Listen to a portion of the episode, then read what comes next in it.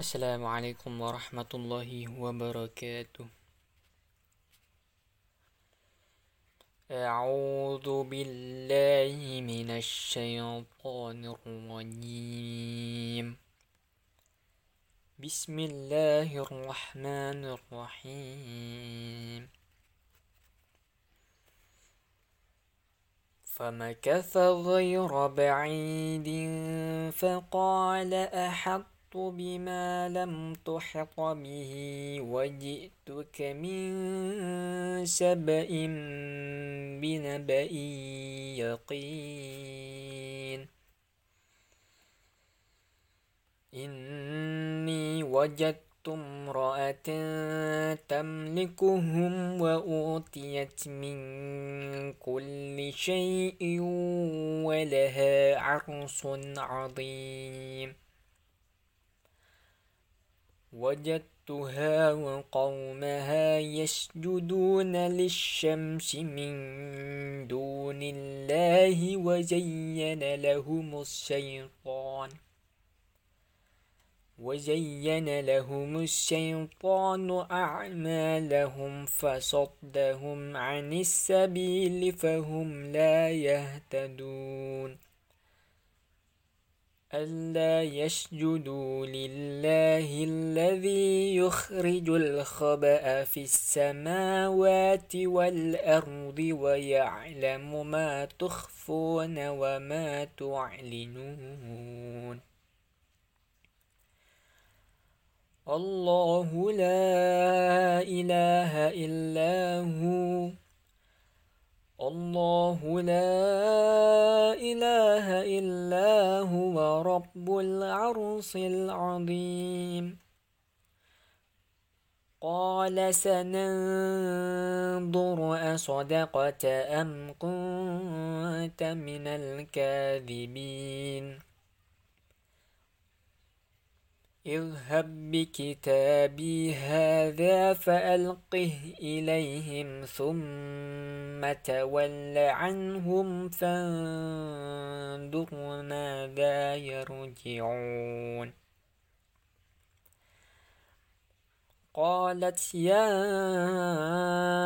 أيها الملأ إني ألقي إلي كتاب كريم إنه من سليمان. إنه من سليمان وإنه بسم الله الرحمن الرحيم. ألا تعلوا علي وأتوني مسلمين.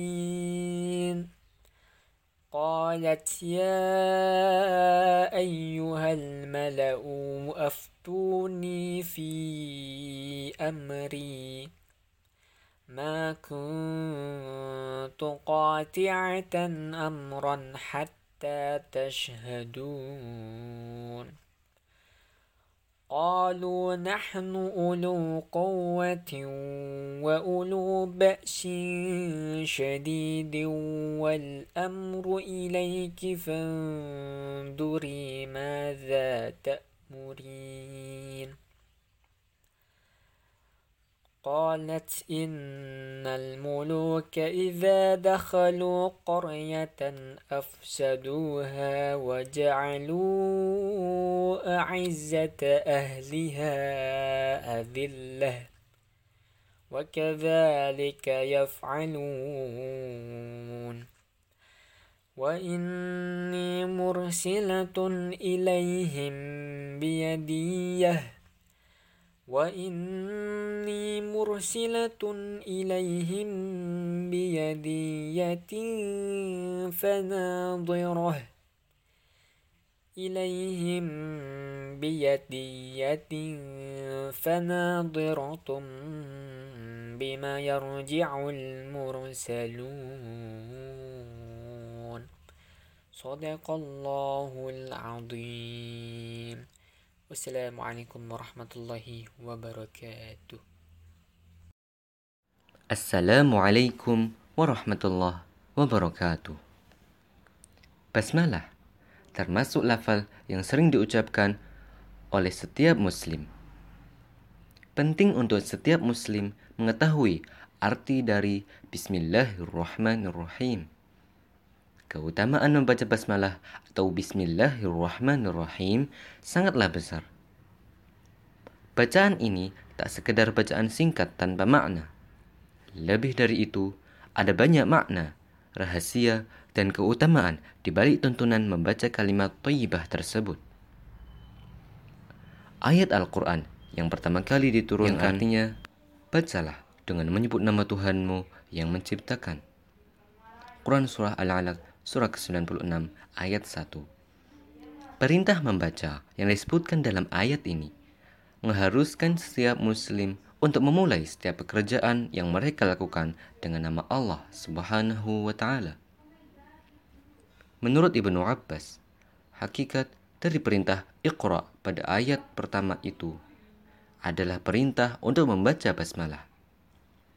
Dan basmalah merupakan satu-satunya bacaan atau kalimah yang hanya diturunkan kepada Nabi Muhammad Sallallahu Alaihi Wasallam dan pendahulunya Nabi Sulaiman alaihi salam. Seperti yang disebutkan dalam surah An-Naml surah ke-27 ayat 30.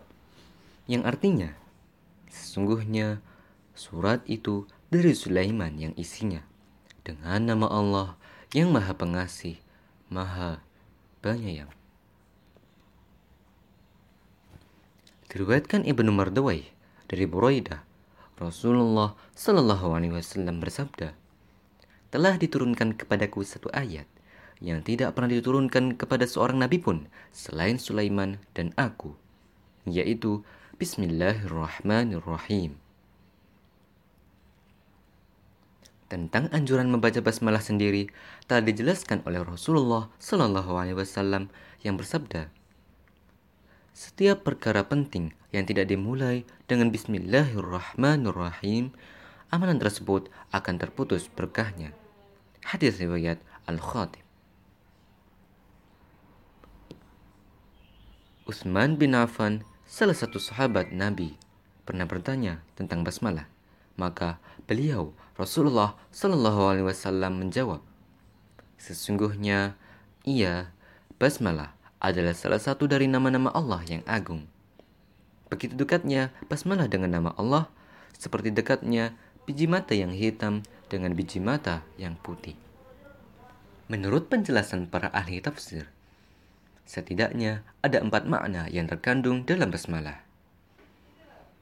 Pertama, kata bi di awal kalimat basmalah Bila dikaitkan dengan kekuasaan dan pertolongan, maka si pengucap menyadari bahwa pekerjaan yang dilakukannya terlaksana atas kekuasaan Allah Subhanahu wa taala.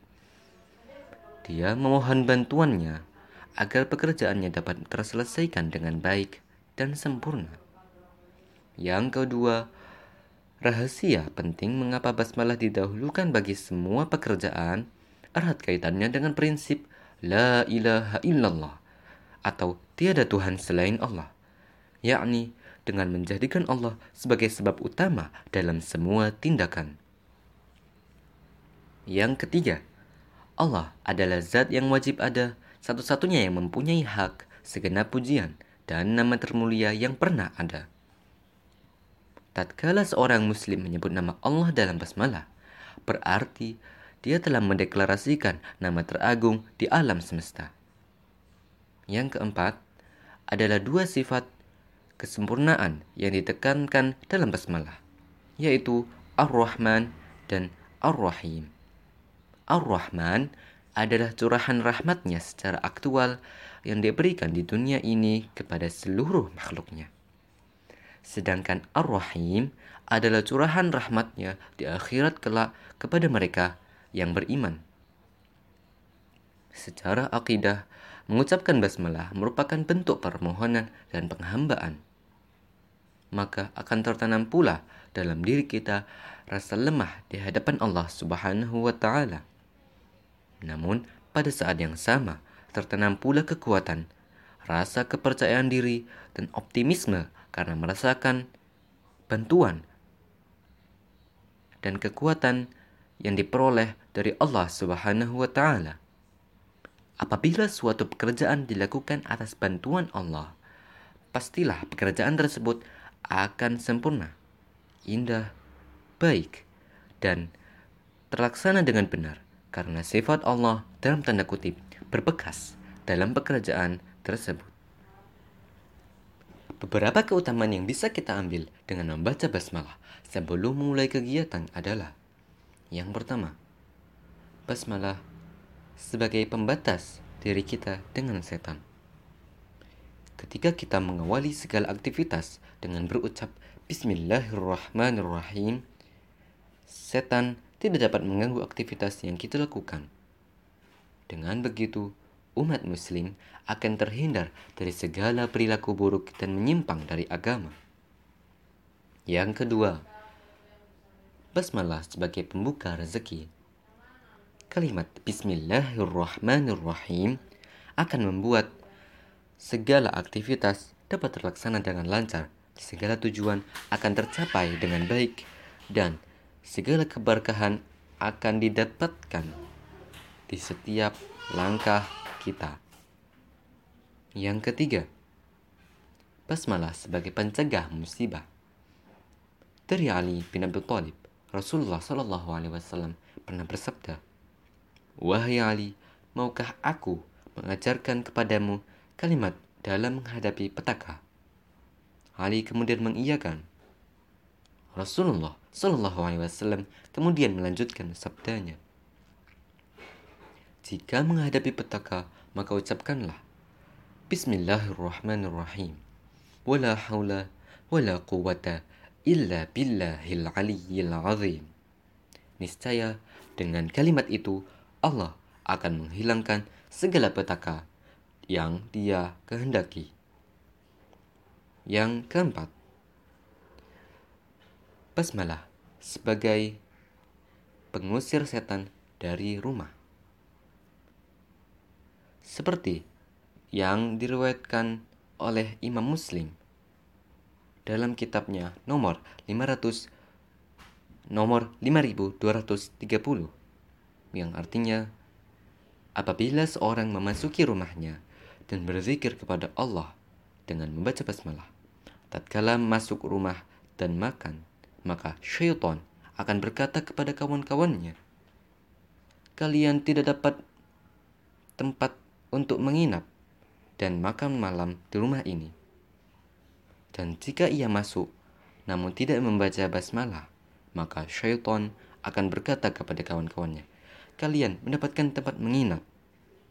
Dan jika ia tidak membaca basmalah sebelum makan, niscaya syaitan akan berkata, kalian mendapatkan tempat menginap dan makan malam.